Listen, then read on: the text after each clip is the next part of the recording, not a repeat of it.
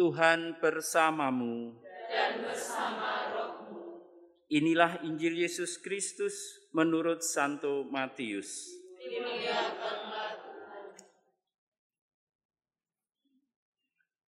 Sekali peristiwa, Yohanes Pembaptis yang berada di penjara mendengar tentang pekerjaan Kristus.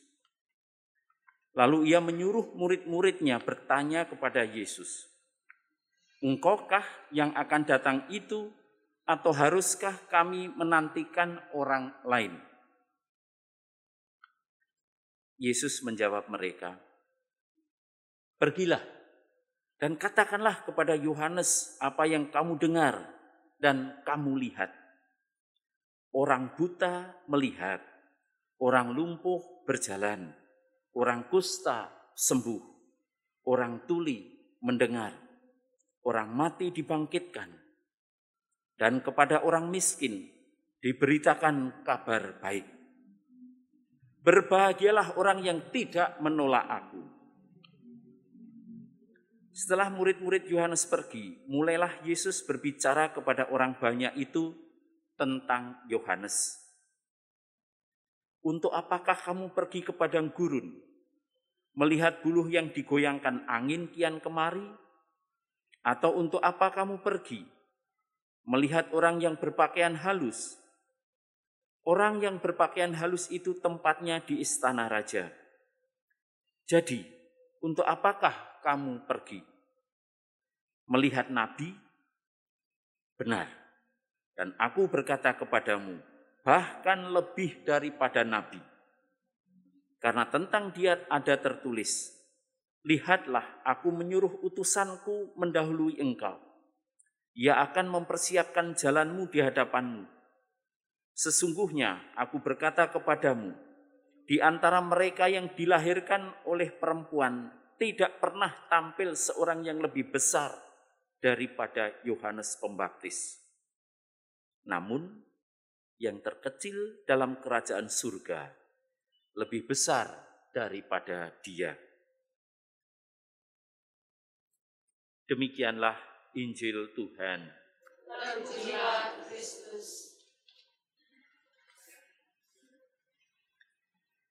Adik-adik orang muda, Bapak Ibu, bruder dan suster yang terkasih dalam Kristus.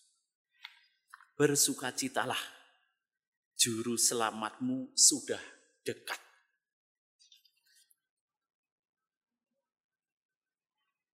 Dan juru selamat yang sudah dekat itu dikatakan oleh Yesaya. Lihatlah, Allahmu akan datang dengan membawa pembalasan dan ganjaran. Ia sendiri datang menyelamatkan kamu. Hebat toh menyenangkan. Advent ketiga disebut dengan Minggu Gaudete, Minggu Sukacita. Advent ini adalah Advent dengan suasana sukacita. Ajaan agar gereja, agar umat Allah, agar seluruh bumi menangkap gerak kehadiran Allah itu dan hatinya menjadi sukacita. Lalu bagaimana kita bisa bersukacita? Alasan sukacita adalah karena kita, karena makhluk-makhluk bumi ini mulai menangkap mulai bisa membaca, mulai bisa melihat, mulai bisa mendengar gerakan Allah yang datang itu. Bahwa Tuhan sudah dekat. Dan Paulus dalam surat pada jemaat di Filipi 4 akan selalu mengatakan begitu. Bersukacitalah dalam Tuhan. Bersukacitalah. Dan apa yang disampaikan oleh Paulus ini sungguh mewakili perasaan seluruh umat manusia. Hati yang merindukan Allah. Salah satu tanda yang hidup, sebuah gerak yang hidup di dalam setiap jiwa adalah kerinduannya untuk menangkap, kerinduannya untuk memeluk kehadiran Tuhan itu. Jadi kalau Bapak Ibu, saudara-saudari ngecek, eh, dicek di update status di dalam batin ini. Apakah betul-betul ada kerinduan yang mendalam yang bergerak untuk memeluk kehadiran Allah.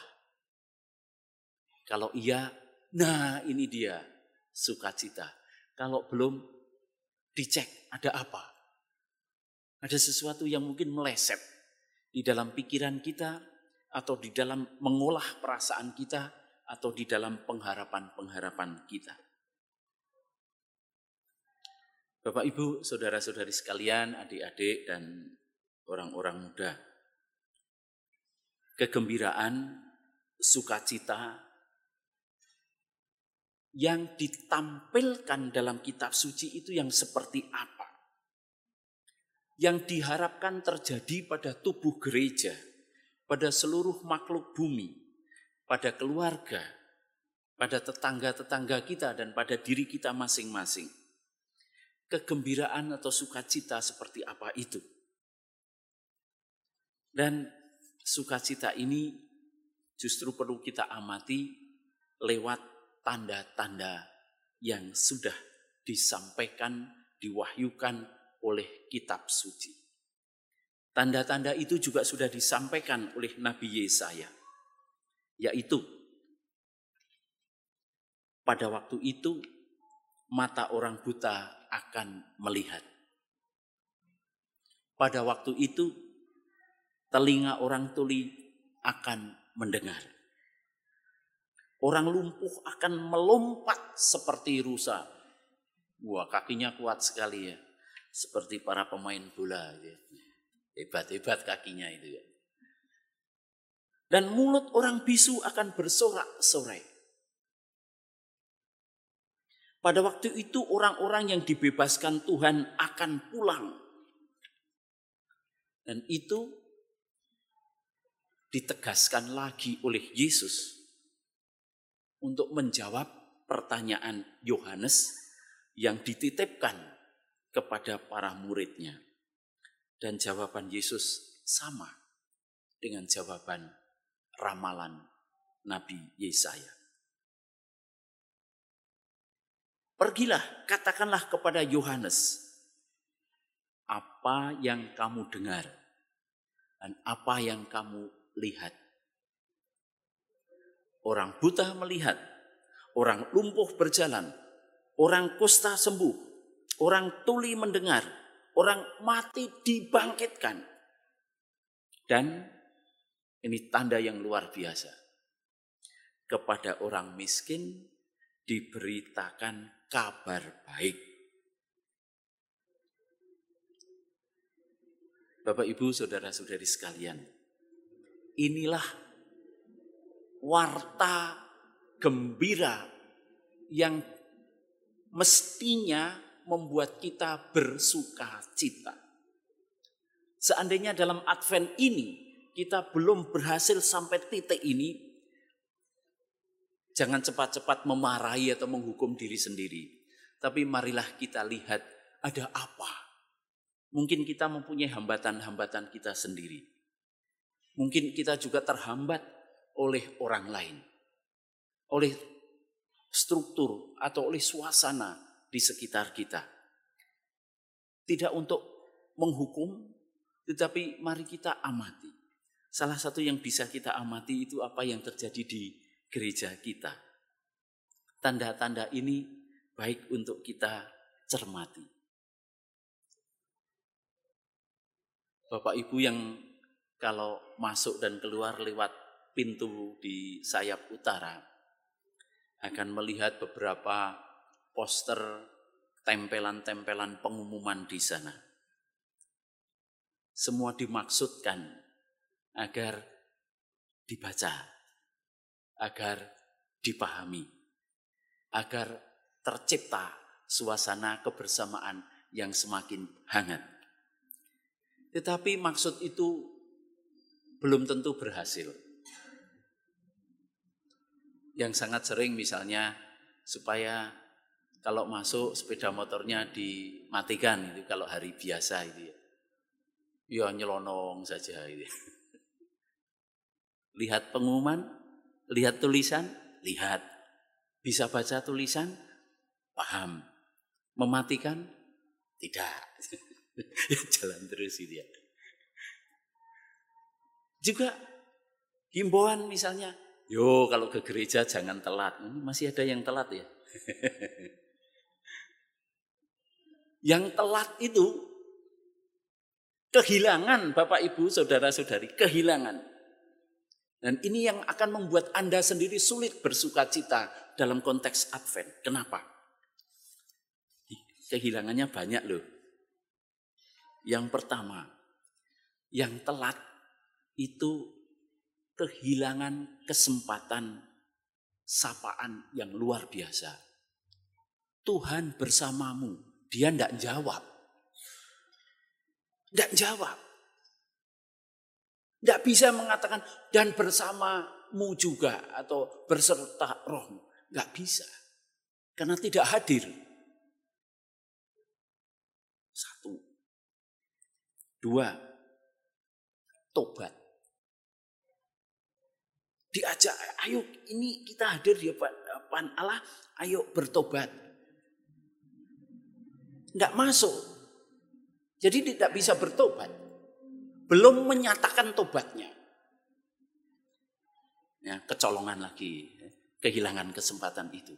Jadi masuk dalam gereja dalam suasana yang entah terburu-buru, entah tetapi lalu tidak menangkap dalam keheningan dan kebersamaan itu titik-titik penting yang harus dilewati. Ketika menyatakan Tuhan kasihanilah kami lewat begitu saja. Hati ini tidak bisa memohon Allah, Tuhan kasihanilah aku, kasihanilah kami. Lewat. Tidak masuk di dalam. Apalagi kalau datangnya sesudah bacaan ya. Ada ya yang sering datang sesudah bacaan ya. Atau sengaja nanti kalau romonya sudah homili baru datang gitu ya. Wah ini kehilangannya makin gede ini. Sabda Allah yang dibacakan tidak didengarkan. Tidak nangkep. Jadi warta dari kitab suci. Gak masuk. Lalu dia bawa apa masuk gereja? Sabda ini sengaja dibacakan. Karena supaya telinga itu mendengar Oh ini warta sabda kitab suci. Maka Bapak Ibu saudara-saudari sekalian, baik ini tidak untuk menghukum yang yang datang telat ya, uh, tidak, tapi tahu dirilah gitu ya. tahu diri gitu. Dan Bapak Ibu yang tidak telat ya, mari kita bantu saudara-saudari kita itu kenal atau tidak kenal untuk dapat masuk dalam suasana pengharapan itu dan langkah-langkah itu tidak hilang. Sehingga kehalusan kehadiran Allah yang sedang bergerak itu tetap bisa dirasakan. Kehadiran Allah itu tidak dalam bentuk mukjizat-mukjizat besar, tetapi apa yang dikatakan oleh Yesaya dan Yesus itu terjadi dalam bentuk-bentuk keseharian. Orang buta melihat. Kita tidak membuat pengumuman bahwa wah ini sudah sembuh dari kebutaannya. Tetapi begitu banyak orang yang sebelumnya tidak melihat kehadiran Allah yang tidak merasakan Allah terus bekerja. Saya boleh membocorkan sedikit. banyak orang yang datang ke gereja ini tidak hanya yang Katolik ya, Bapak Ibu, saudara-saudari, adik-adik, yang datang dalam gereja dan ikut ekaristi ini tidak hanya yang Katolik. Dan saya mendengar dari mereka, pengalaman mereka, bagaimana mereka mata batinnya terbuka. Bagaimana mereka mendengar, hatinya mendengar ketika sabda Allah dibacakan. Oh, begitu toh. Jadi mata batin itu adalah mukjizat-mukjizat bentuk-bentuk konkret kehadiran Tuhan. Orang lumpuh berjalan. Orang yang dulu tidak mempunyai kekuatan untuk berdiri. Yang patah semangatnya. Mendengar sabda Allah. Berjumpa dengan Bapak Ibu, Saudara-saudari di sini. Dan merasa diterima. Salam persahabatan yang sangat kecil itu ya. Kalau dulu salaman ya. Sekarang harus dikasih hand sanitizer dulu baru bersalaman gitu ya. Nah, tapi perjumpaan yang sederhana itu begitu banyak menyentuh hati orang. Inilah yang lumpuh berjalan. Dan kepada orang miskin diberitakan kabar baik. Pengharapan akan kebaikan Allah. Begitu banyak orang telah merasakan, menikmati, dan mengalami kebaikan Bapak Ibu Saudara-saudari sekalian lewat gereja ini. Kabar baik itu disampaikan. Dan tidak hanya sebagai kabar, tetapi peristiwa kebaikan itu telah masuk, telah dialami oleh banyak orang. Dan itulah Advent kita yang terus bergerak maju. Maka mari kita masih mempunyai waktu-waktu untuk menyambut kedatangan Tuhan itu dengan lebih kreatif dan lebih semangat. Yang biasanya telat ya jangan telat ya gitu. Itu bentuk pertobatan gitu ya. Menemukan lumpuhnya itu bisa menjadi berjalan. Tapi juga bantuan-bantuan, dukungan-dukungan bagi kelompok-kelompok orang yang membutuhkan. Marilah tetap kita dukung agar warta keselamatan itu sungguh dialami, sungguh kita alami dan dialami oleh semakin banyak orang.